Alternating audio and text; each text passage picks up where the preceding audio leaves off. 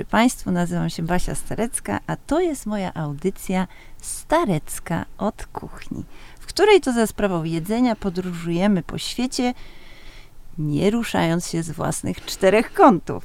Zaczęliśmy od Azji. W poprzednim odcinku y, gościłam Lin Guyen, która nas oprowadzała po Wietnamie i radziła, jak zazjatyzować naszą lodówkę.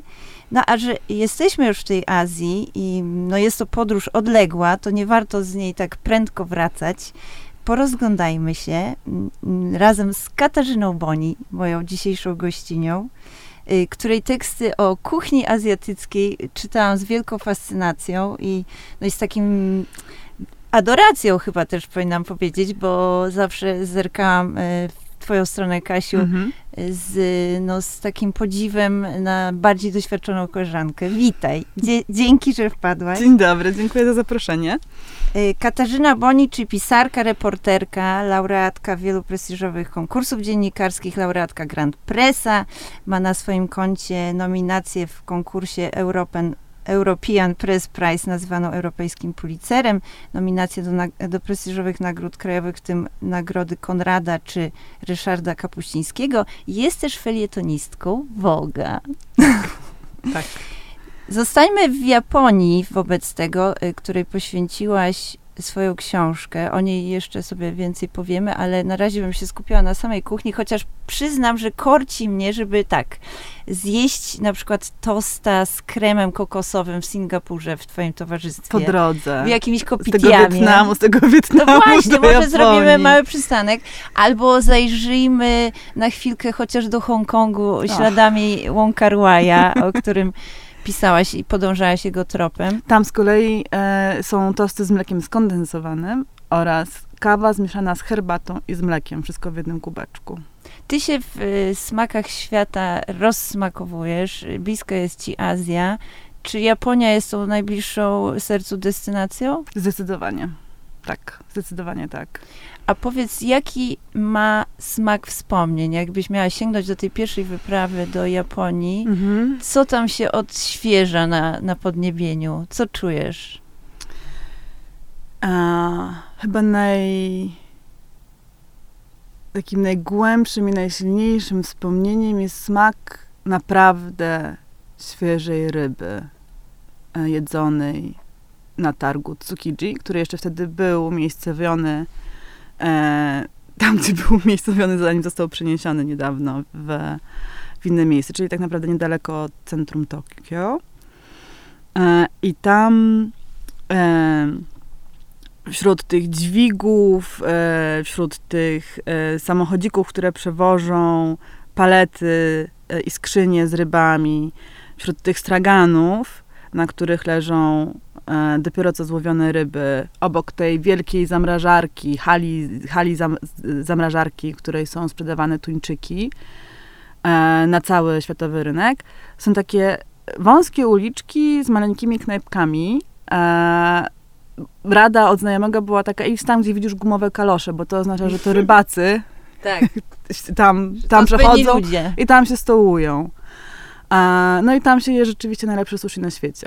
Nie jadłam, przyznaję, nie jadłam może sushi e, e, u najbardziej znanych sushi masterów, e, ale jadłam sushi w różnych restauracjach japońskich i rzeczywiście najlepsze było w tych niewielkich knajpeczkach na Tsukiji. To jest smak, który ze mną został po pierwszej wyprawie do Japonii. To dla mnie było również odkrycie, jak dobrze można się czuć po takim surowym mięsie. Mhm. Pamiętam, że jechałam do Japonii z jakimiś kłopotami żołądkowymi, które odeszły y, wraz z pobytem y, tam. I to mnie jakoś zachwyciło, że jest w tej diecie rzeczywiście jakiś klucz do dobrego samopoczucia, w tym takim subtelnym traktowaniu produktów, których nie torturuje się jak w kuchni europejskiej, y, tylko y, no jakoś tak y, traktuje się z wielkim szacunkiem i dosłownie muska jakąś obróbką i właściwie jest ten produkt niezmieniony. Tak, w Japonii e, podejście do jedzenia jest takie, żeby wydobyć smak, a nie przytłumić smak.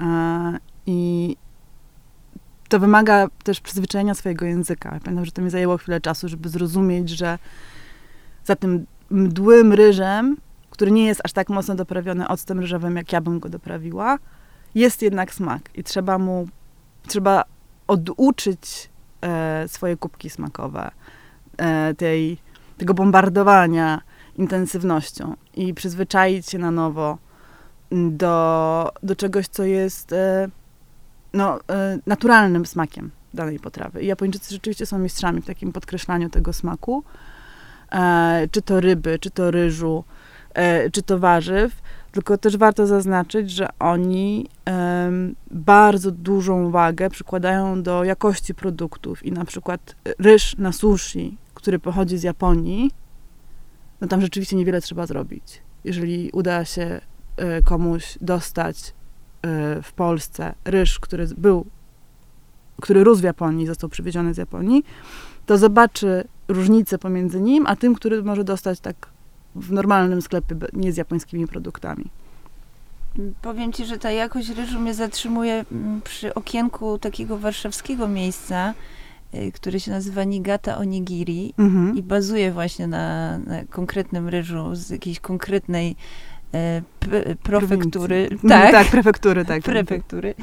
I, I to rzeczywiście jest niezwykłe, ale ty mówisz o tej subtelności. Jak my jesteśmy świeżo po wyprawie do Wietnamu, to może nam to zająć chwilę, bo tam rzeczywiście knockout tymi mocnymi smakami mm -hmm. jest taki konkretny. I przyprawami, tymi ziołami, które się po prostu kładzie całe stosy jakichś świeżych warzyw, bazylii tajskiej, kolendry tajskiej, e, wietnamskiej kolendry, jakiegoś... E, e czegoś, co się nazywa śmierdzące zioło żaby. I po prostu to jest... E, I zostaje się do jedzenia dostaje się po prostu cały y, talerz świeżych ziół.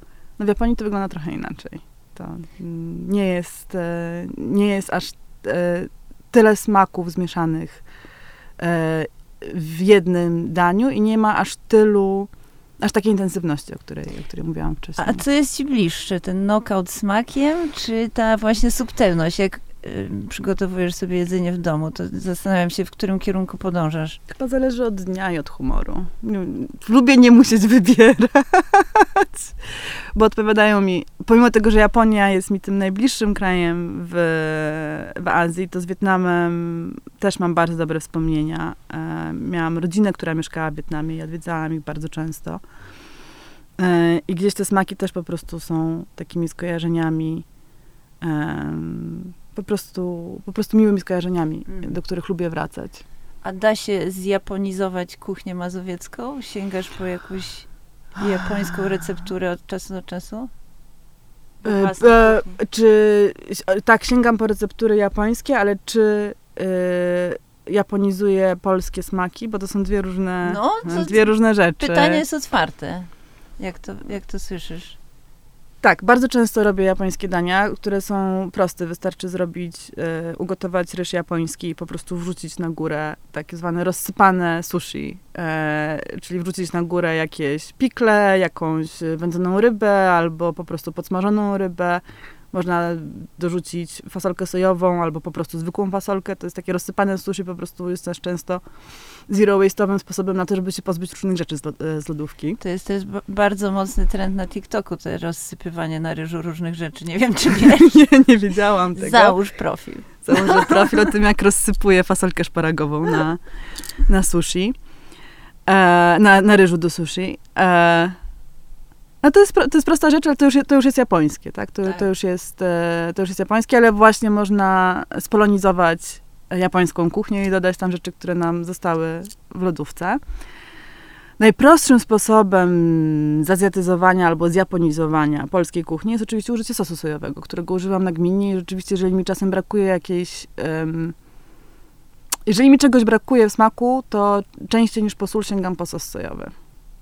Japońskiej produkcji, czy jakiejś innej azjatyckiej? Japońskiej produkcji, ale takiego, taki produkowany, to jest tak. O, Jakiś grubszy temat.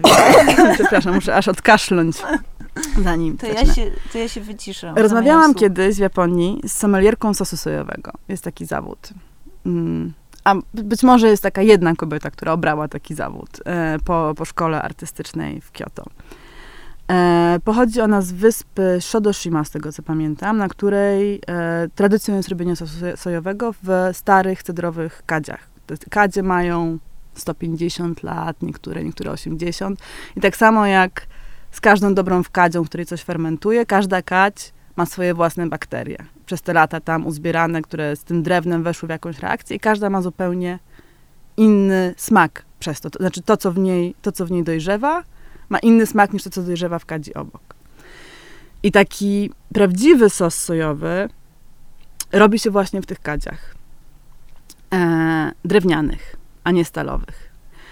I ona mi powiedziała, ona mi zrobiła mi w ogóle taki, taką pokazówkę tego, jak te, jak te smaki sosów się zmieniają, zależnie od tego właśnie, e, jak długo leżały, z jakiej dokładnie soi były, z jakiej mieszanki, z której kadzi. A wiadomo też oczywiście, każda, każda, każdy producent ma, ma swoje jakieś własne, sekretne e, przypisy. I że jeden sos na przykład będzie lepszy do ryby, drugi sos będzie lepszy do. E, jeden będzie do jasnej ryby, drugi do ciemnej ryby, trzeci do warzyw, czwarty do nawet deserów. Rzeczywiście one mają zupełnie inne smaki. To, to, to się testuje tak jak, tak jak wino. E, ale to, co powiedziała, to, to że mm, takie sosy robione e, e, w stalowych kadziach e, na większą skalę produkowane, to one są bardzo, bardzo porządne i mają tak mniej więcej 80% możliwości smakowych tego, co można osiągnąć sosem sojowym. A te sosy z kadzi cedrowych, no to jest zawsze ryzyko. Mogą mieć 100% i mogą być wybitne, a można spaść do 20 albo do 10% i mieć po prostu całą kać mm. zepsutą. Czyli tak? ta stal gwarantuje powtarzalną jakość po tak, prostu. dokładnie. Mm. Więc to, co dostajemy w sklepie, japońskie sosy sojowe produkowane na większą skalę, to są bardzo porządne, bardzo dobre sosy i rzeczywiście takich się staram używać. Czasem udaje mi się znaleźć taki, który jest z kadzi cedrowej, wtedy od razu kupuję kilka na zapas. Ale to przywozisz z podróży? Można dostać w Polsce. A. Można dostać w Polsce. Są sklepy, które sprzedają produkty z Japonii. No tak, to można poszukać w internecie mhm. pewnie tym tropem.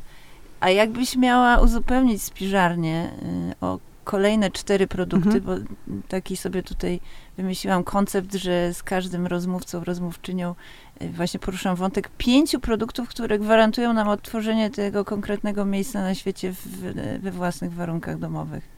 Sos sojowy na pewno pierwszy. E, drugi to e, ryż. E, no tylko ważne, żeby to był kleisty ryż taki na, na sushi. On jest nie tylko wykorzystywany do sushi, on jest po prostu podawany też na koniec każdego posiłku. On jest używany właśnie do rozsypanego sushi. Um, no jest, jest podstawą rzeczywiście japońskiej kuchni i ma inny smak niż, niż te ryże, które znamy na przykład z Indii albo z Tajlandii. A jak byś to określiła w smaku właśnie? Żebyśmy mogli Aha. sobie poćwiczyć wyobraźnię. Jest... Yy... Słodszy? Ja chciałam powiedzieć bardziej kwiatowy, chociaż jaśminowy ryż oczywiście też ma w sobie tą nutę tę kwiatową. Tak, jest słodszy i ma taką...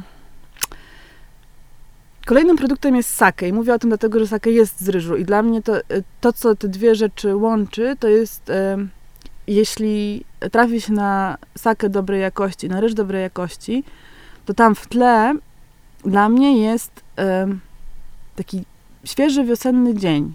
Jesteś w lesie, e, jest strumień, który e, cicho pluska, są omszałe kamienie przy tym strumieniu i słońce, które prześwitują przez takie zielone listki, dopiero co rosnące na drzewach. I mniej więcej to jest taki obraz, który ja obrazek, dlatego mi wyszedł dziwny akcent. To jest taki obrazek, który ja um, widzę, kiedy jem japoński ryż albo kiedy piję taką dobrą, dobrą świeżą sakę. Taką, sakę też ma różny smak, zależy skąd, z której prefektury pochodzi, z jakiej, z jakiej wody jest robione i z jakiego ryżu jest robione. Oczywiście może być cięższa, może być lżejsza. Ta moja ulubiona właśnie jest taka wiosenna. Mm, leciutki, taki powiew tak. procenta. Tak, z ryżu. Dokładnie, dokładnie. I od ryżu przechodzimy do sake, która jest trzecim składnikiem um, kuchni japońskiej. Używa się, y, są różne jakości sake, sake się też używa do gotowania. Te, te, ten, ten, tej gorszej jakości sake po prostu zamiast do picia używa się do gotowania. I na bazie sake robi się um, dwa produkty, które są absolutnie niezbędne w kuchni japońskiej, czyli e, ocet ryżowy na bazie sake, na bazie ryżu sake, tak to wszystko ze sobą połączone i mirin, czyli słodkie wino kuchenne. A mogę, to, to jest taki, e, to jest podzbiór do sake, a teraz powiem o jeszcze dwóch kolejnych składnikach. Rozrasta nam się spiżarnia. i Proszę dojdziemy- szykować półeczkę kolejną. I dojdziemy, w sensie y, na, w polskich warunkach y, takie kuchenne sake jest trudne do dostania, ja o wiele częściej używałam mirinu rzeczywiście, y, który, jest, który można dostać praktycznie wszędzie. E, Nie jest, nie jest, nie jest trudny do, do kupienia. Kolejnym składnikiem będzie dashi, czyli e, bulion na bazie wodorostu, kombu, takiego grubego, mięsistego e, glona. I zazwyczaj dodaje się tam też płatki katsuoboshi, czyli tuńczyka bonito. Jeżeli ktoś jest wegetarianinem albo weganinem, to zamiast tego tuńczyka może też sobie dodać na przykład grzyby shiitake, albo po prostu zrobić bulion na, na wodorostach. E, on już, już ma ten głęboki smak umami, o którym rozmawiałyście z Lin w poprzednim odcinku. Czy ty znalazłeś, wtrącę tylko Tak. pytanie, z, em, jakiś sposób na poradzenie sobie z tym wymoczonym kombu później, bo mnie zawsze mm, frapuje to, że y, no jest, zachodzi jakaś marnacja po przyrządzeniu tego bulionu, bo nie, nie znalazłam jeszcze przypisu na to, co Mhm. można z tym wymoczonym kombu zrobić i zamiast go wyrzucać, czy da się z, go pociąć na jakieś, nie wiem, konfetti i, i On- tym ubarwić jakąś potrawę? Chyba Jego- niekoniecznie, bo on jest strasznie mięsisty. Taki. Jego problemem jest to, że on oddaje swój smak, prawda? Okej. Więc I on trochę ten, podeszwa po prostu. trochę ten smak traci. To, co można zrobić, no to rzeczywiście można pociąć na paseczki nie wiem, mm, podsmażyć albo zalać taką marynatą i zamarynować e, słodkim sosem sojowym, tak? Czyli po prostu sosem sojowym z dodatkiem cukru i potem na przykład jeszcze dodać trochę sezamu do tego. Można spróbować i to dodać właśnie na ryż, tak? Chyba Jako- kiedyś widziałam kandyzowane kombu, taką żujkę y, słodką, ale to już po prostu sam cukier Tak, no to jakby po prostu używa się to bardziej jako nośnika smaku, tak? Bo on Tak. sam już oddał ten smak po prostu bulionowi. Mm. Ale można tak, mo, można go wykorzystać. Dobrze, no to sposób. zostawiamy, to odkładamy tego wodorosta, wróćmy do dashi, do pysznego bulionu. E, no, używa się go, e, używa się go oczywiście do, e, do słynnej zupy miso i to nas prowadzi do ostatniego składnika, który jest absolutnym e, must have japońskiej kuchni, czyli do pasty miso.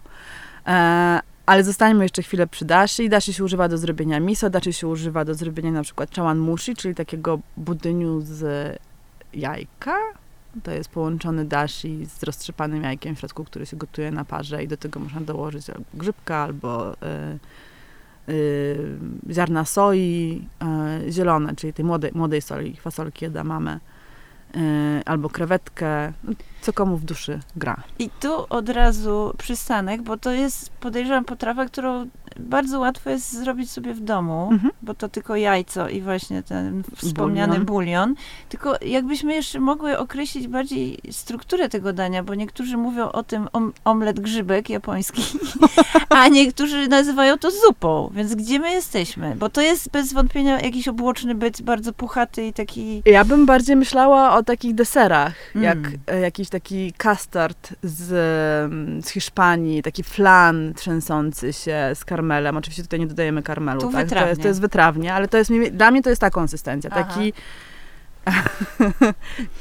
Puszek. puszek, ale to Japończycy mają e, onomatopeje w swoim języku, które kiedyś bardzo dobrze, nie wszystkie oczywiście, wiele z nich kiedyś znałam, na przykład mówią goro goro, kiedy coś się trzęsie, ale chyba ten flan to będzie puru puru. Że jak go dotkniesz, to on tak robi takie puru puru. Och, jakie to piękne. Ja to od razu czuję na języku to puru puru. A To, ono ma, a japońskie onomatopeje są warte zgooglowania i przejrzenia w internecie, bo oddają wiele, wiele em, emocji, uczuć i dźwięków, których my nie jesteśmy w stanie do końca oddać. Puru puru. A to ciekawe, bo być może wynika to z tego, że niewiele emocji jest dostępnych w ogóle do, w ekspresji ludzkiej. I ta kultura jednak uniemożliwia taki, taką swobodne, Mm. swobodne wyrażanie się. Y, Może to jest jakiś wentyl. Możliwe, możliwe. To też jest tak, że y, to swobodne wyrażanie się y, ma y, jest dopuszczalne po prostu w kręgu bliższych znajomych i w domu, tak? A, ale tak społecznie w, na, na zewnątrz są rzeczywiście jakieś kanony zachowań, e, z których gdzieś w moim odczuciu główną zasadą jest to, żeby nie stawiać innych ludzi w sytuacji, w której by się czuli niezręcznie albo by byli zażenowani. Mm, krępacja jakąś Tak. emocją trudniejszą. Tak. Ale tutaj nam to nie grozi przy tym omlecie, podejrzewam. Mm, On jest raczej taki otulający i wspierający. Wydaje mi się, że nie, nie zdarzyło mi się rozpłakać ze wzruszenia jedząc ten omlet, chociaż rzeczywiście jest, jest przepyszny. Bardzo mnie poruszył twój tekst Jedz póki możesz Mm. e, w magazynie książki, magazyn do czytania. I piszesz tam, że polski stół za kilkanaście lat będzie wyglądać zupełnie inaczej niż ten, który teraz znamy. Zastanawiam się, czy ta reguła tyczy się również japońskiego stołu. Myślę, że... To ryzyko znikania Mhm. produktów. Myślę, że to tyczy się wszystkich stołów, nie tylko polskiego czy japońskiego. Tekst, o którym mówisz, e, to jest pokłosie e, tego, nad czym pracuję od ponad roku, pewnie nawet od dwóch czy trzech lat, czyli zajmuję się zbieraniem e, rzeczy, które odchodzą z powodu kryzysu klimatycznego. Wydaje mi się, że bardzo długo, kiedy mówiono o kryzysie klimatycznym, mówiono o tym, co się wydarzy w przyszłości. Jak to będzie wyglądało w 2050, jak to będzie wyglądało w- w 2100, jakie mamy różne scenariusze, zależnie od tego, w którym momencie odejdziemy od używania mm, ropy i, i gazu i paliw kopalnych. E, ale mało się mówi o tym, albo mało mówiło się o tym, jakie zmiany e, już nam towarzyszą i co w związku z nimi. Ostatnie dwa lata e, chyba umacniają nas w takim przekonaniu, że rzeczywiście te zmiany e, pojawiły się i nie są to jednorazowe, e, chwilowe tylko zaburzenia, tylko jest to coś, co z nami zostanie raczej na dłużej. Jest to kolejny najcieplejszy rok w historii od czasu mierzenia pomiarów, robienia tych pomiarów temperatur. Jest to kolejny, kolejne lato upałów, susz, susz śmierci z, przegn- z przegrzania na południu Europy, pożarów e, w Grecji, w Hiszpanii, w Portugalii, w Kalifornii, w Australii, na Syberii. Tak? To, to idzie taką falą przez cały, przez cały rok. E, I już coraz trudniej jest chyba nam udawać, że, że to się nie dzieje i że to z nami nie zostanie. Raczej możemy się spodziewać, że planując kolejne wakacje, że no w Grecji znowu będą pożary w przyszłym roku. Gdzieś na którejś z wysp. I te zmiany powodują, że jakieś rzeczy znikają z naszego życia. Mm. I staram się znaleźć, staram się dokumentować te rzeczy, myśleć o nich e, i zastanawiać, jakoś e, zastanawiać się, co to zmienia w mojej codzienności, ale też po prostu no, dawać przestrzeń e, uczuciom i emocjom związanym z tym, że, em, że, że nasz świat się zmienia. Zawsze się zmieniał, tak? Jakby to, to taka jest natura też naszego życia, że, e, że te zmiany cały czas nam towarzyszą, no ale teraz to jest, e, to jest tempo, które, które może po prostu oszałamiać, może jakoś gdzieś zwalać z nóg. I wśród tych rzeczy, które znikają, jest również nasze jedzenie. Mm, I gdzieś na początku nie byłam w stanie uwierzyć, kiedy czytałam o tym, że zagrożone są ziemniaki. No to jest y, bardzo poruszająca informacja. Myślę, że szczególnie dla os- osób słuchających nas w Polsce. My mamy przecież serce z ziemniaka, więc to trochę jest zabieranie nam tożsamości. Serce, głowę, ciało z ziemniaka. Ja nie wiem, jak bez tych ziemniaków moglibyśmy żyć. Oczywiście to też nie jest tak, że, że wyginą wszystkie ziemniaki, bo tych ziemniaków jest bardzo wiele różnych gatunków na całym świecie. W, bodajże w Peru, gdzieś w Ameryce Południowej jest muzeum, e, muzeum, które jest przy okazji też takim bankiem ziemniaka, w którym mają kilkaset różnych odmian zebranych. Chciałabym tam pojechać chyba. Wybierzmy się razem. Spójrzmy ziemniakom w oczy. Są purpurowe, są żółte, są czerwone, są po prostu fantastyczne. Mają różne kształty, długie, płaskie. No w ogóle ziemniak jest ziemniak jest różnorodny. Jest tak samo, uniwersum oddzielnym. tak, tak samo jak banany, których jest 1500 różnych gatunków. Tak samo jak, y, nie wiem, soczewica, pszenica, ryż. Ryżu też jest kilka tysięcy gatunków. My znamy, my znamy tylko, używamy na, na co dzień kilku, może małych kilkunastu, jak ktoś, jak ktoś, tak jak ty, gotuje bardzo dużo i jeździ i zna e, i, i wie, jak używać tych, rze- ty, tych, e, tych rzeczy w kuchni na co dzień. Jak te smaki łączyć. E, więc to też nie jest tak, że ziemniak jako ziemniak w ogóle zniknie z powierzchni ziemi, ale jakieś gatunki, do których jesteśmy przyzwyczajeni, jakieś monokultury, które dominują em, nasz rynek, e, są po prostu zagrożone. E, Są zagrożone zmianami klimatycznymi, są zagrożone związanymi z nimi chorobami. Łatwiej jest wyplenić monokulturę, e, kiedy się pojawi jedna choroba, e, niż, e, niż wyplenić różnorodność genetyczną, którą też niestety tracimy.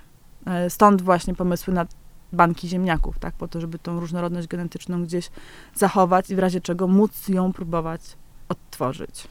O Japonii w tym kontekście też często się mówi, ponieważ jest to rynek, który na wielką skalę konsumuje chociażby tuńczyka i Mm. na pewno przyczynił się do jego wymarcia właściwie, bo to jest już y, gatunek na granicy istnienia. Czy my mamy równie spektakularne winy na swoim sumieniu? Nie wydaje mi się. Oprócz tego, że y, że my jako. Y, nie mamy takiego przemysłu, który by aż tak y, y, wyniszczał y, ekosystem, y, żeby doprowadzić na skraj wymarcia jeden konkretny gatunek. Chyba, że ty wiesz o czymś, o czymś ja nie wiem, masz coś konkretnego na myśli.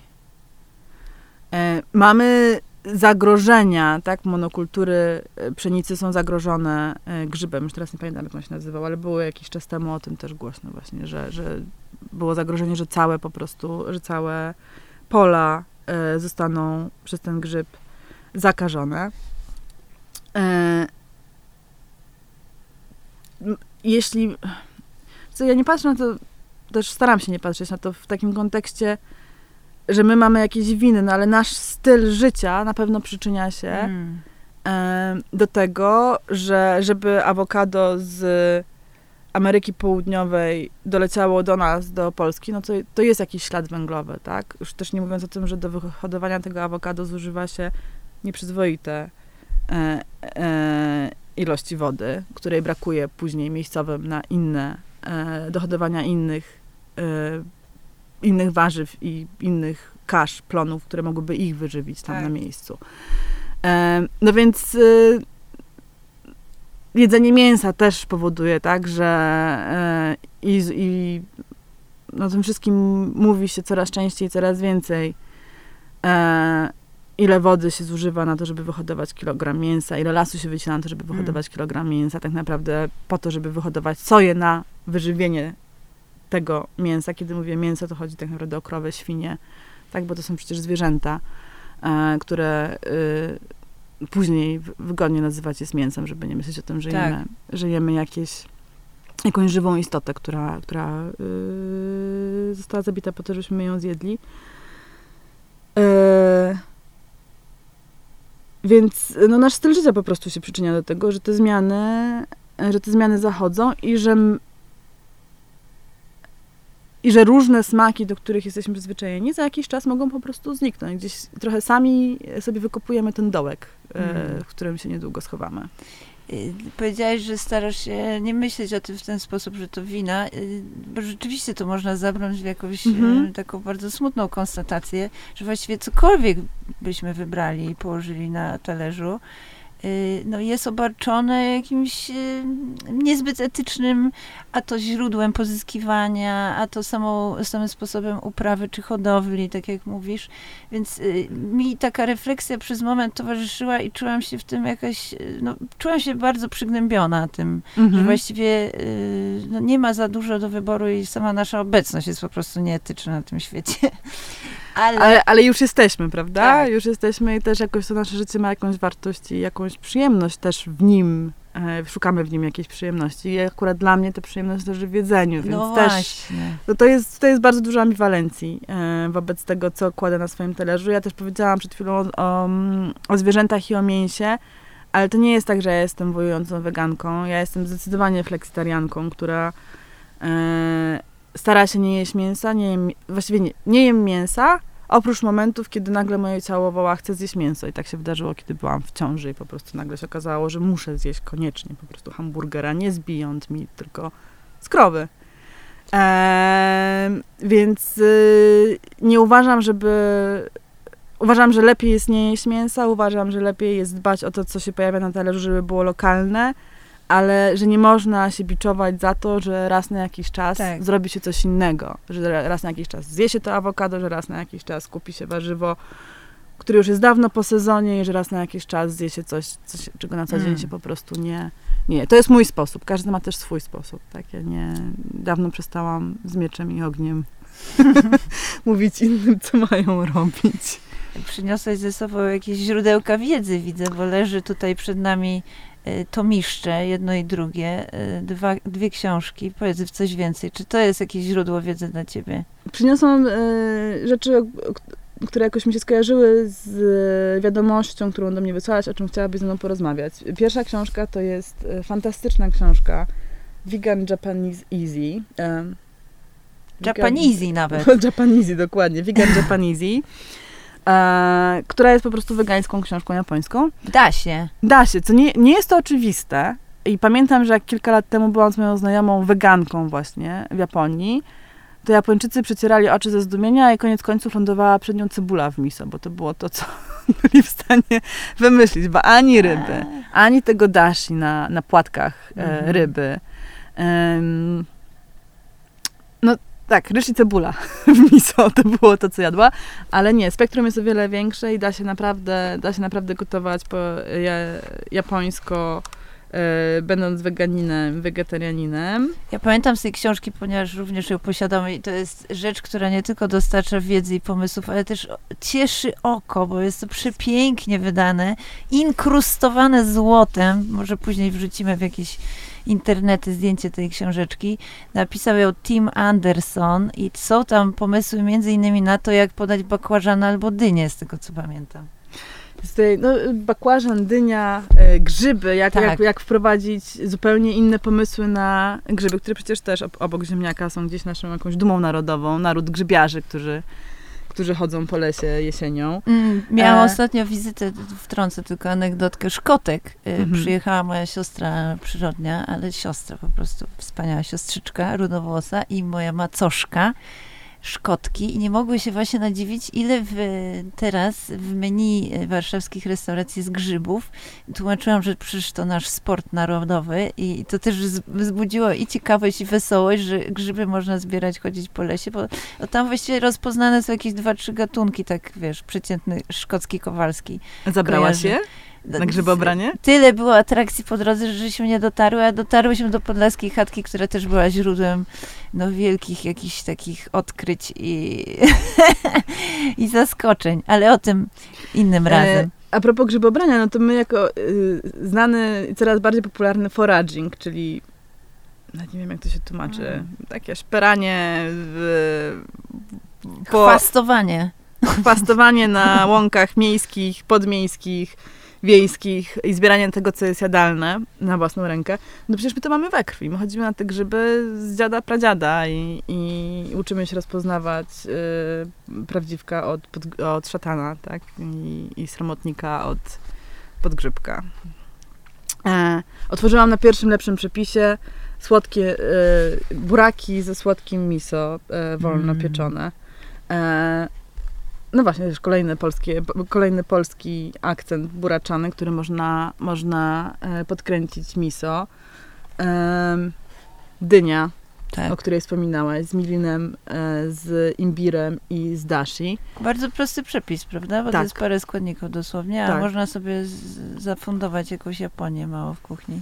Tak. I pamiętać o tym, że nie trzeba właśnie, że to też może być sztuka uczenie się tego, jaki jest smak tego warzywa, które, które my próbujemy ugotować, a nie przytłumienie go tym mirinem i tym dashi, po to, żeby to była taka eksplozja smaku na naszym, na naszym, e, w, naszym, w naszej buzi, tak, na naszym podniebieniu. E, więc to jest jedna książka, którą przyniosłam i ona jest moją wielką radością i lubię ją sobie przeglądać. Tak jak powiedziałaś, to jest obiekt, który jest po prostu bardzo estetyczny, jest piękny. Tak jak większość rzeczy, która pochodzi z Japonii. Abstrahując od kultury e, komiksowej, e, która ma bardzo e, specyficzną estetykę, ale rzeczywiście te, te obiekty japońskie, różne książki, które są wydawane o Japonii, zazwyczaj są e, no, mają w sobie jakiś e, taki dodatek, który powoduje, że chce się je trzymać w ręku, dotykać, oglądać, przeglądać i, i inspirować się nimi. Bardzo polecam tą książkę. Japanese. Japanese. Vegan Japanese. A druga książka, jako że napisałaś, że chciałabyś też porozmawiać o tym właśnie, czego nie będzie. Mm. To jest książka, którą przeczytałam niedawno, chociaż wyszła już jakiś czas temu. Uh, Eating to Extinction E, The World's Rarest Foods and Why We Need to Save Them, napisana przez dziennikarza Dana Saladino. Ja to przetłumaczyłam jako wyjadanie e, w tekście, który pisałam do mm. magazynu książki. Wyjadanie, czyli najrzadsze jedzenie świata i dlaczego powinniśmy je uratować. No i jest to książka, która opowiada właśnie o tym, jak znikają smaki. Znikają na całym świecie. Tutaj na samym początku jest mapa Ach, taki przyjemny przewracanie kartek papieru. Rozkoszujmy się tym, tym dźwiękiem. Jest. Jest mapa, która pokazuje, e, no, że żaden kontynent nie jest, e, nie jest wolny od tego wymierania. E, I Dan Saladino jeździł po całym świecie rzeczywiście mm. e, i, i szukał nie tyle nawet gatunków, co odmian konkretnych gatunków, które, które są zagrożone. Wybrał jakieś takie najbardziej znaczące i może też takie, z którymi najłatwiej się nam utożsamić, albo które mm, opowiadają jakąś historię. I opisuje, jak razem z tymi gatunkami e, ginie tak naprawdę e, kultura.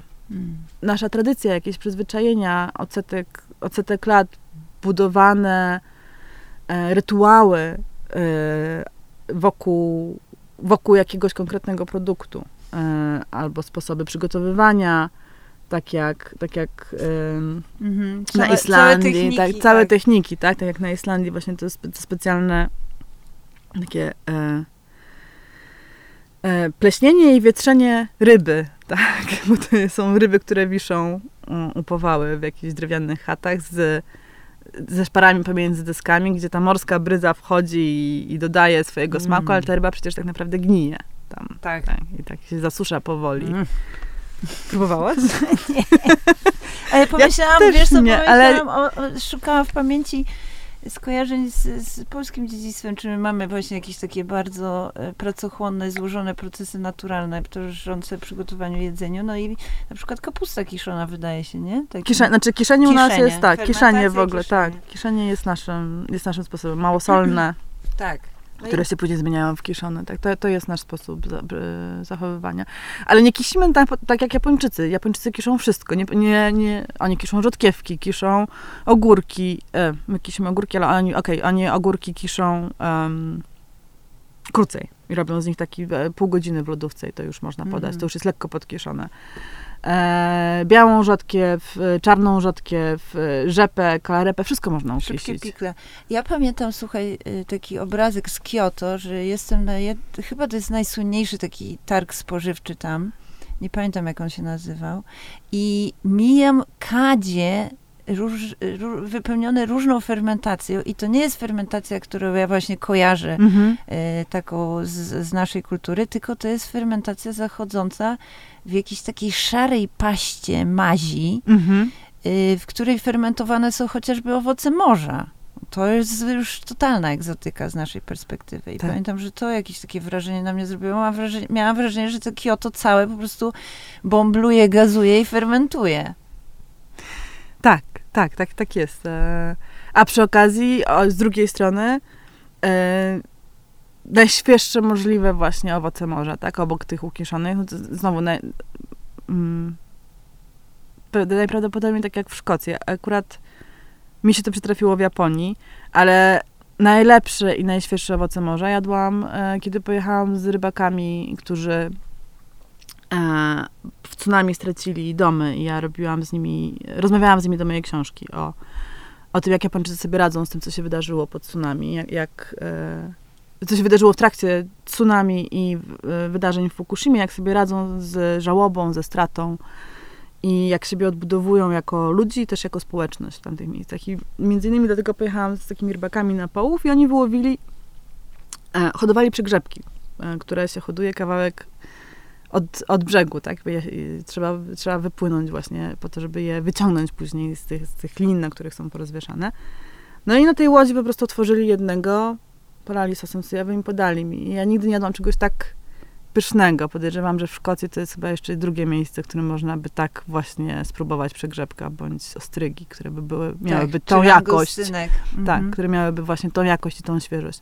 Z jednej strony fermentacja, a z drugiej strony absolutna po prostu y, świeżość y, produktu i takie rzeczywiście pilnowanie tego, żeby to było jeszcze tego samego dnia zjedzone, prosto, mm. prosto z łodzi na stół. Wspomniałaś o książce, która jest bardzo dla mnie ważna. Mm i ze względu na warstwę literacką, moja droga, ale też e, na sam temat, czyli Ganbare, warsztaty z umierania.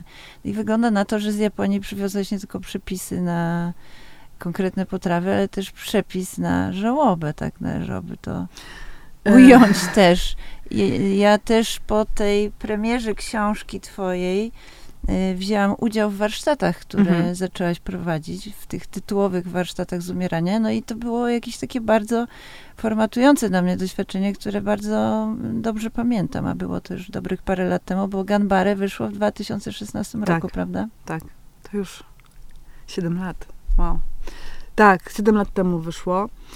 E, ciekawe, co powiedziałaś, bo teraz sobie zdałam sprawę z tego, że ja do Japonii pojechałam i rzeczywiście odkrywałam smaki i gdzieś nagle weszłam z tych smaków w żałobę i że teraz to są takie tematy, które mi się bardzo w moim życiu łączą. Te no i ogóle to jest jakiś temat, taki leitmotyw twojej twórczości, to, to, poży to pożegnanie, odchodzenie, tak. puszczanie. Chociaż, chociaż zaczynałam pisząc o jedzeniu rzeczywiście, mhm. bo to było po prostu coś, co, co napędzało mnie do życia, poznawanie tych smaków, odkrywanie, e, próbowanie. E, trochę może w pewnym momencie aż, za bardzo, taki trochę sport, czego ja jeszcze nie spróbuję, tak? Galaretka z krwi e, Byłam w Wietnamie. Tam. Byłam w tym miejscu, dobrze pamiętam, taka wielka frajda, radocha i tak. ekscytacja z tego poznawania niepoznanego tak, dotychczas. Mhm. Tak, i że rzeczywiście można, jakby, że, że, że smaki, jedzenie to jest najprostszy sposób, żeby rzeczywiście dotknąć tego, tego nieznanego, prawda? E, bo jest natychmiastowe. Jak już, jak już jesteś w tym miejscu i zaczniesz próbować, natychmiast dostajesz informację, jak to smakuje, co ja czuję, co ja zjadłam i, i, i rzeczywiście no, gratyfikacja jest tu i teraz. Nie musisz spędzać wielu y, lat żeby poznać jakąś kulturę, tylko bierzesz ten smak i od razu masz jakąś, jak, jakąś informację zwrotną na ten temat.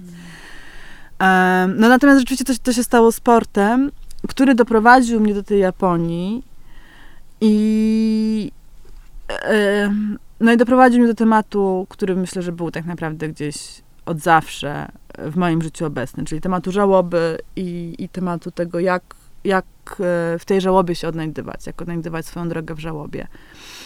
Um, niektórzy robią to poprzez jedzenie, bo w Japonii też się zawiązywały na przykład takie grupy kobiet, które razem zaczynały gotować.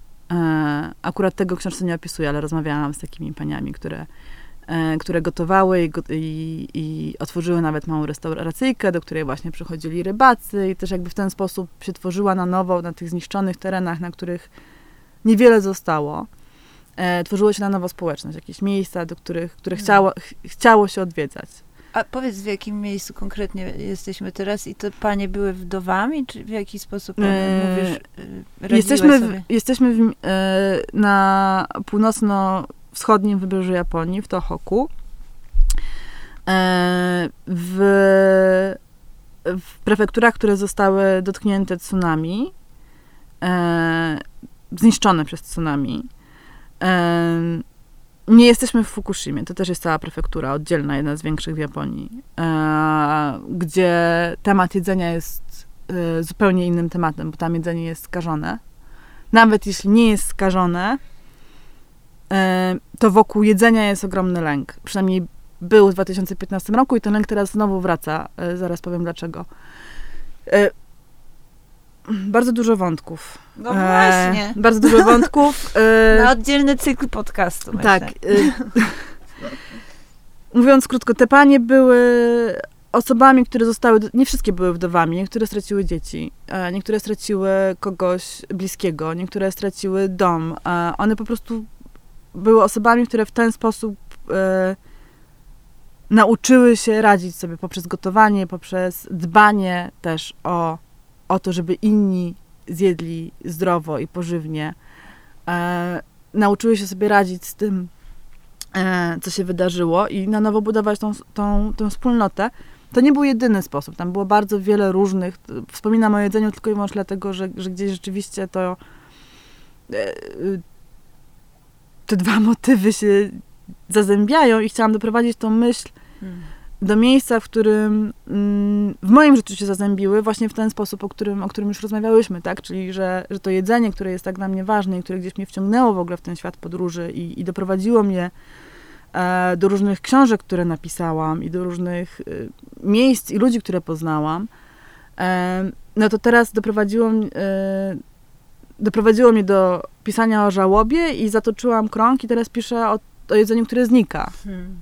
Tak? I, I o żałobie za tym jedzeniem, które znika, za kawą, która może nie zniknie w zupełności, ale no, yy, będzie dostępna tylko dla, dla wybranych. Jest, jest taka szansa. Tak? Nie, to są scenariusze, które są potencjalne, ale jeżeli wejdziemy w tą potencjalność, to, to może po, to pojawia się taki scenariusz ludzi żyjących gdzieś wysoko w Alpach, gdzie jest przyjemne powietrze i w miarę da się wytrzymać daleko od pożaru, którzy mają kawę i wino, no i wszystkich tych gdzieś na dole, którzy e, którzy dostępu do, e, do luksusu nie mają. E, wracając na chwilę do Japonii, e, w książce starałam się pokazać, jak radzić sobie z żałobą, e, bo ta żałoba nie ma. Mm, ona nie ma twarzy, ona nie ma rasy, nie ma kultury. Ona jest y, dostępna, jest tak surową emocją, tak podstawową emocją, że jest dostępna dla nas wszystkich jako ludzi, niezależnie od tego, w jakiej kulturze dorastaliśmy. I sposoby radzenia sobie z nią mogą też jakby mogą pomóc każdemu, niezależnie od tego, w jakiej szerokości geograficznej się urodził. I to, co zobaczyłam w Japonii, to do czego ci ludzie e, zaczęli dochodzić sami, bo trochę też byli zostawieni sami sobie, może działać również u nas. E, dlatego napisałam tą książkę, bo miałam poczucie, że ona może nam pomóc też radzić sobie e, z naszymi stratami. Nie wiedziałam jeszcze wtedy, że, że tych strat będzie aż tyle, bo od czasu, kiedy napisałam książkę, był i COVID, tak? lockdowny, pandemia, kilkaset tysięcy śmierci. E, no i, i coraz głośniejszy i coraz bardziej oczywisty kryzys klimatyczny, który też przynosi i, i śmierć, i, i odbiera nam, nam jakąś codzienność, do której jesteśmy przyzwyczajeni.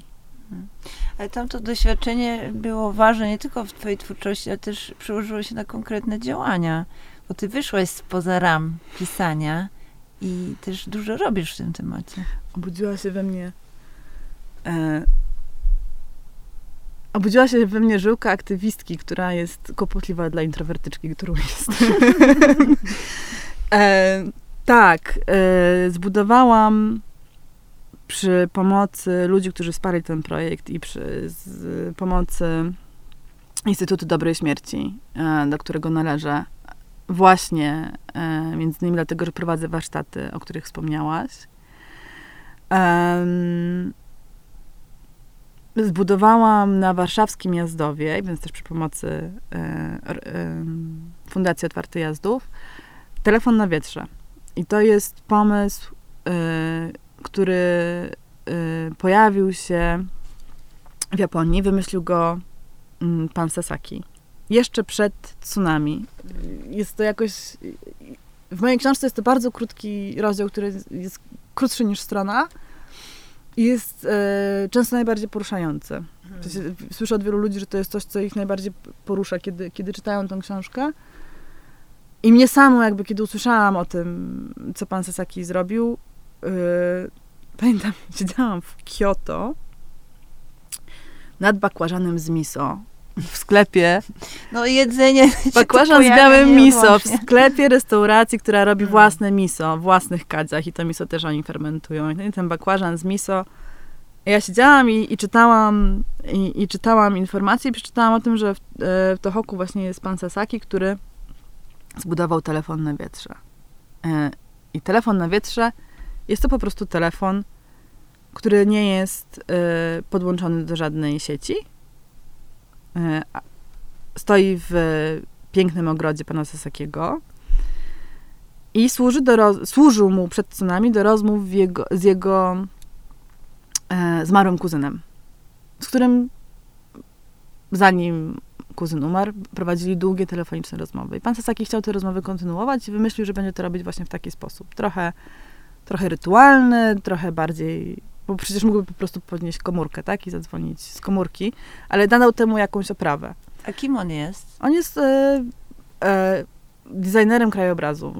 nie ogrodnikiem, ale tak mhm. jakby architektem pejzażu, ale już jest emerytowany, już tego, tego nie robi, ale to rzeczywiście ten jego ogród e, Stąd, stąd w ogóle jakby ten pomysł, tak, na, na i na, tele, na tą budkę telefoniczną w ogrodzie, która już tam stała i na umiejscowienie tego telefonu. E, to, co jest ważne, to e, to, że pan Sasaki żyje na terenach, które później zostały dotknięte tsunami, ale na tyle wysoko, że jego akurat tsunami nie, e, nie dotknęło. I e, udostępnił ten telefon wszystkim tym, którzy nie zdążyli się pożegnać. Jak można sobie łatwo wyobrazić, tsunami jest wydarzeniem, które nie zostawia nam czasu na, na pożegnanie. E, I, e, I wiele osób e, żyło w, w rozpaczy, bo nie zdążyli wypowiedzieć tych ostatnich słów, jakieś rzeczy jeszcze, które, które, które ich męczyły, że nie zostały, nie zostały dopowiedziane, nie zostały zamknięte, nie zostały opowiedziane. No i zaczęli przyjeżdżać do pana Sasakiego, do jego ogrodu i zaczęli podnosić słuchawkę telefonu na wietrze i, i rozmawiać. Czasem milczeć, a czasem słuchać. I yy, telefon nazywa się telefonem na wietrze, dlatego że pan Sasaki wierzy, że słowa niesie wiatr. Także to jest ten sposób połączenia ze zmarłymi osobami, który, który gdzieś jest na tyle poetycki, a jednocześnie na tyle zrozumiały, jak, że gdzieś mm, jest, jest czymś innym właśnie niż podniesienie słuchawki zwykłego telefonu i po prostu mówienie do niej. Jest, jest, jakąś, jest nadaniem jakiejś rangi tej, tej rozmowie. Um, I ja ten telefon, ja się skontaktowałam z panem Sasakiem, zapytałam się, czy on się zgodzi, żeby to zbudować w Polsce. E, i on y, wyraził taką zgodę. Trochę zajęło, żeby go przekonać, że, hmm. e, że, że warto to zrobić. E, I czy to jest ten sam telefon? Ta sama budka? To jest, e, my, ja się z nim umówiłam, że my to zrobimy tak, żeby to pasowało, że to będzie nawiązywało do, e, do jego designu, do tego, co stoi u niego w ogrodzie, ale że żeby nie wyglądało od czapy na Jazdowie, że będzie też pasowało do, do Jazdowa, który jest bardzo specyficznym miejscem w Warszawie. To są stare domki fińskie, zbudowane po wojnie, z, złożone tak, z przesłanych przez y, Finów domków i one mają, są drewniane, mają białe okna i mają też taką papę na, na dachu, więc y, razem z projektantem Pawłem Kowalskim tą, tą budkę telefoniczną zaprojektowaliśmy tak, żeby ona oddawała tą, to, to, co stoi w Japonii, chociaż ta japońska budka nawiązuje z kolei do budki brytyjskiej, chociaż jest biała, jest większa, jest bardziej przestronna, ale nawiązuje tak naprawdę do tej budki brytyjskiej z takimi e, szprosami i przeszklonymi drzwiami. Eee, I telefon teraz stoi na jazdowie już od ponad roku. Eee, musieliśmy kilka razy zmienić aparat, który tam stoi i raz nawet e, kiedy przyszłam z nowym aparatem, okazało się, że już ktoś, w sensie mam takie poczucie, że ludzie sami dbają o ten telefon, że już ktoś tam postawił, e, już tam ktoś tam postawił e, telefon, e, bo poprzedni uległ zniszczeniu. E, działa od no już właściwie, właściwie półtora roku, bo zaczęliśmy w maju, w maju zeszłego roku. E, I wiem, że korzystają z niego nie tylko Polacy, ale również Ukraińcy, e, bo akurat otworzenie telefonu zbiegło się z, z no było kilka miesięcy po tym, jak wybuchła wojna i bardzo dużo e, tam jest nawet tekst, który wyjaśnia wszystko po ukraińsku. Rzeczywiście bardzo jest księga, która, która leży przy telefonie i połowa wpisów jest wpisami po ukraińsku. I wiem, że czasem się ustawiają do niego kolejki i że ludzie korzystają z niego po to, żeby właśnie powiedzieć do widzenia tym, z którymi nie zdążyli się e, pożegnać albo odbyć jakieś ostatnie, mhm. ostatnie rozmowy, które były dla nich ważne, a których nie, nie zdążyli odbyć. Więc to była moja, e, tak na podstawie tej książki i, i moich doświadczeń w Japonii, to było coś, co, co przyniosłam tutaj na ten grunt, moja aktywistyczna część, która wyrosła, wyrosła z doświadczeń japońskich. Drugą częścią są warsztaty umierania, tak, które, które prowadzę na podstawie tego też, przez co przeszłam tam, tam w Japonii, w czym brałam udział kiedy ja w nich brałam udział, był jeszcze w fazie eksperymentu. Pamiętam, że się rozglądałaś dopiero w tej metodzie i rozumiem, że już jest to ustrukturyzowane w ramach konkretnego programu. Jest ustrukturyzowane w tym sensie, że y, znowu przez pandemię, pandemia była jakimś takim katalizatorem różnych, y, różnych moich działań. Y, zamiast siedzieć i się wściekać, że nic się nie dzieje, to stwierdziłam, że przecież mam narzędzia i wiem jakby, co mogłabym zrobić. Zaczęłam to robić. Um, zaczęłam prowadzić warsztaty nie tylko twarzą w twarz, zaczęłam je prowadzić również online. Um, co ma swoje wady i ma swoje zalety. Wadą jest to, że nie siedzimy razem i że nie możemy sobie spojrzeć w oczy i że, e, że ludzie też są zmęczeni po prostu tym siedzeniem przed komputerem. Mm. I wiele osób, te, wiele osób tego nie, nie lubi już nie chce w ten sposób brać udziału w warsztatach. Dużą zaletą jest to, że e, dzięki przeniesieniu ich e, w świat wirtualny nie jesteśmy uwiązani do Warszawy i mogą w nich brać udział osoby, które normalnie, do których bym nie przyjechała, tak? które są z małej wioski na Podlasiu, albo które, które są e, w w, akurat w Danii w danym momencie, albo w Stanach, albo w Australii. Miałam też ludzi z Australii, którzy brali udział w warsztatach. Um, więc są bardziej inkluzywne i dają też ludziom, którzy potrzebują e, ciszy i spokoju i takiego poczucia izolacji podczas, moment, podczas gdy przechodzą przez te warsztaty, dają im możliwość właśnie wyłączenia kamery, wyłączenia głosu i bycia w takim pomieszczeniu, które jest dla nich bezpieczne, które jest ich miejscem i w którym nikt ich nie słyszy i nikt na nich nie patrzy i po prostu dają im większą prywatność. Więc e, staram się je prowadzić i tak, i tak. Hmm. No właśnie, one tak brzmią dosadnie, yy, bardzo tak, nie wiem jakim słowem je opisać. Sam, samo to hasło warsztaty z umierania jest konfrontujące z jakimś największym lękiem.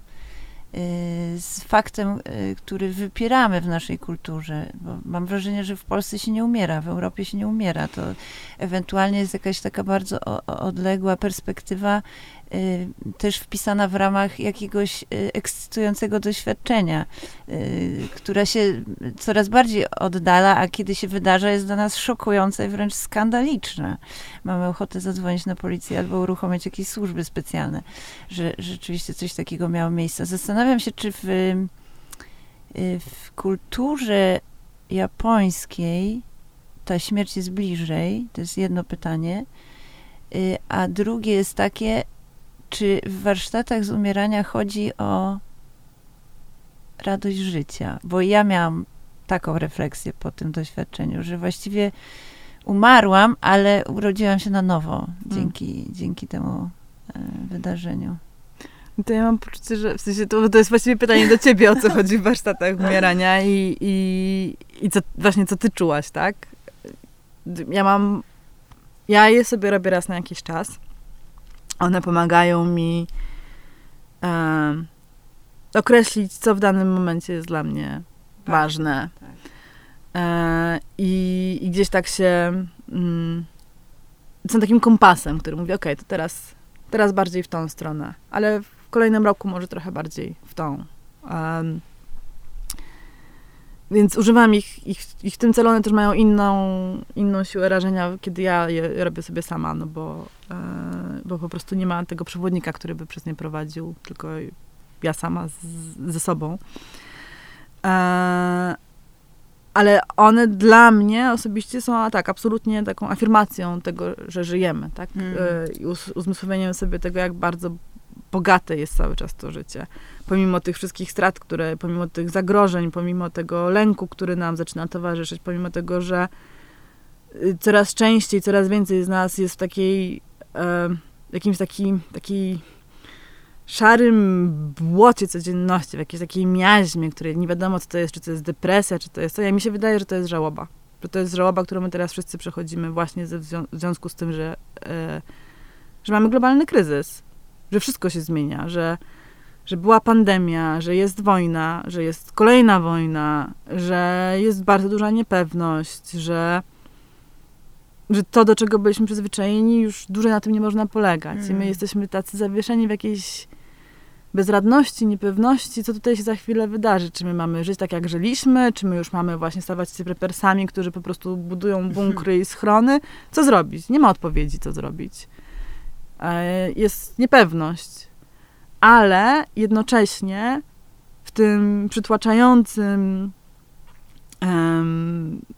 tej przytłaczającej rzeczywistości nadal nadal mamy sos sojowy, nadal mamy ziemniaki, nadal mamy motyle, nadal mamy wiosnę, nadal mamy e, siebie nawzajem, e, nadal mamy rzeczy, które nas radują i które są dla nas ważne i bez których to życie naprawdę sobie ciężko wyobrazić. Nadal mamy e, dobre książki do przeczytania, fajnych ludzi do pogadania, rodzinę do przytulenia się i do, do spędzania czasu. I gdzieś warsztaty poka to pokazują, tak, że jakby nawet w tej takim w trudnych momentach, kiedy ciężko jest coś dostrzec, są rzeczy, które, które tworzą jakby bogactwo, są bogactwem w naszym życiu i, i, i, są skarbami po prostu.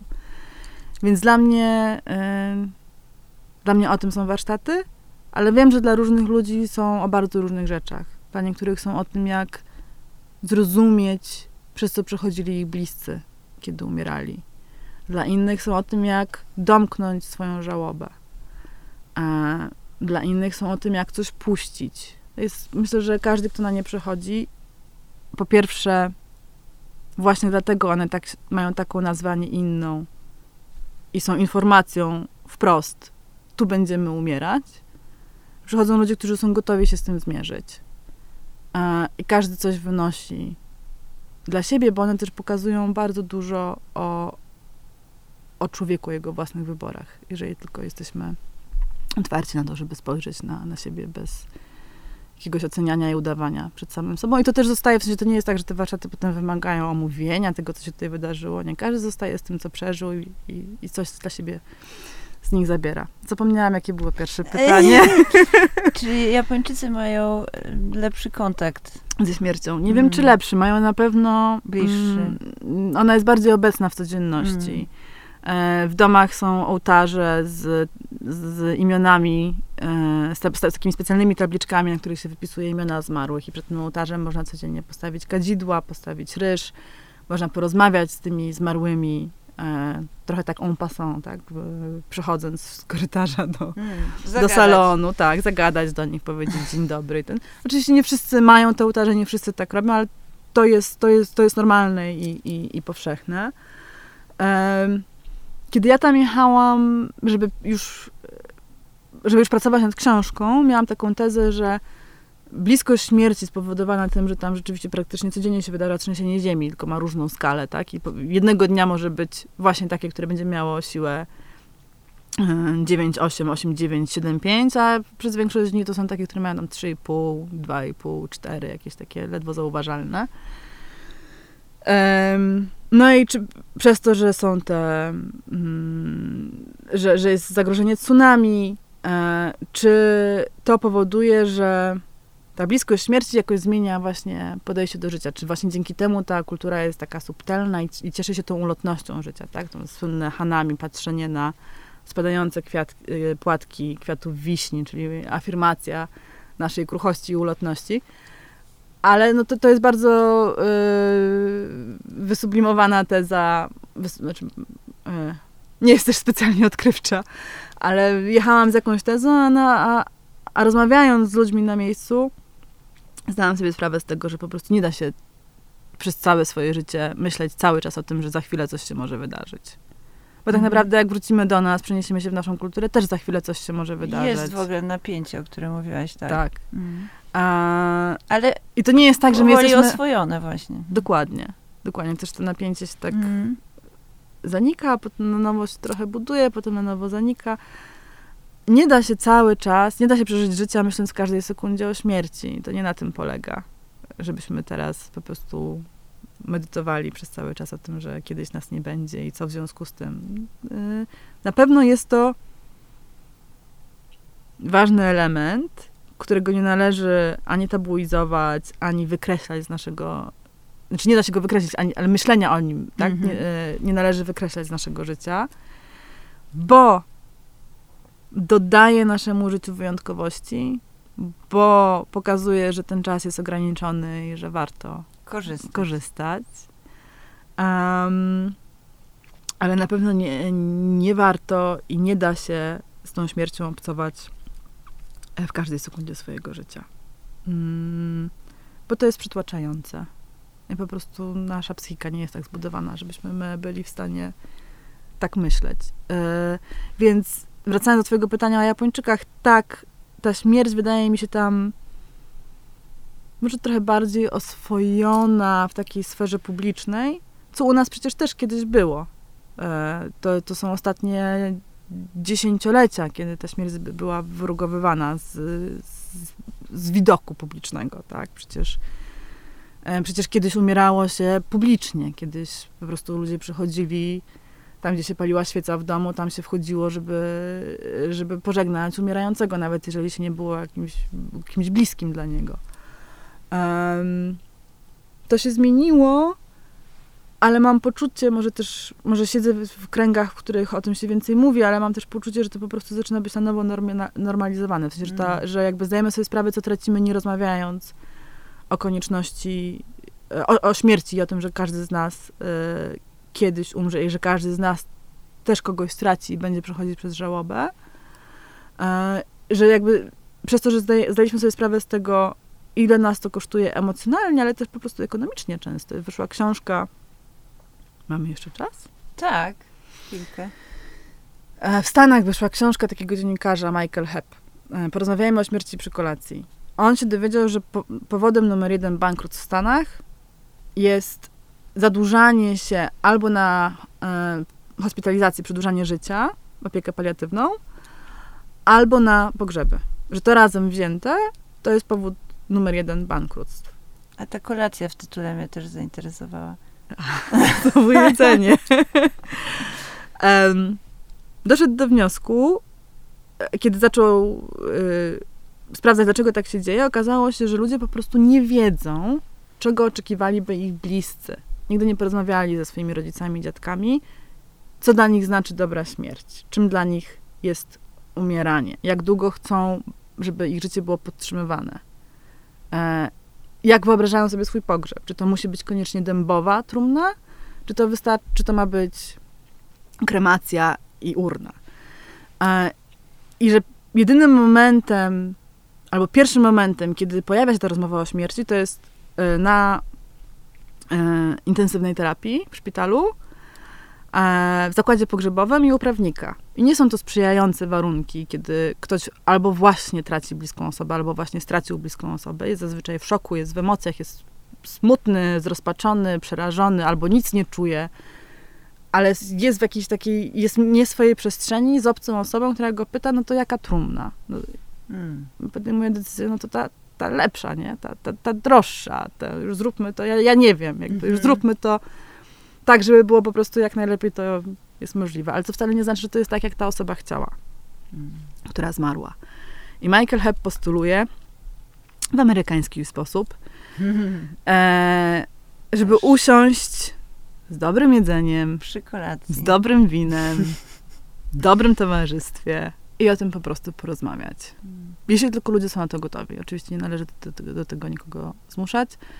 Z amerykańskim przytupem, dlatego że powstała cała strona Death Over Dinner, e, na której są takie skrypty e, gotowe do, do rozmów, o czym warto porozmawiać, e, w jaki sposób, w jaki sposób przygotować taką kolację i, i warto z tego skorzystać. Mm. Ja tak zrobiłam, a właściwie nie ja tak zrobiłam. Ja o tym napisałam i moja babcia napisa- e, odezwała się do swoich wnucząt wszystkich, że chciałaby się spotkać na taką kolację. I zrobiliśmy Mm. rzeczywiście kolację i pogadaliśmy o tym, czego w ogóle o tym, czym dla niej jest śmierć, czym dla niej była żałoba też po stracie jej matki, o tym, czego oczekuje właśnie, jak, czego by chciała, kiedy umrze. No i, i mam poczucie, że to było takie i dla niej, i dla nas uspokajające, że my wiemy. Ona wie, że my o nią zadbamy, a my wiemy, czego ona chce. Mm.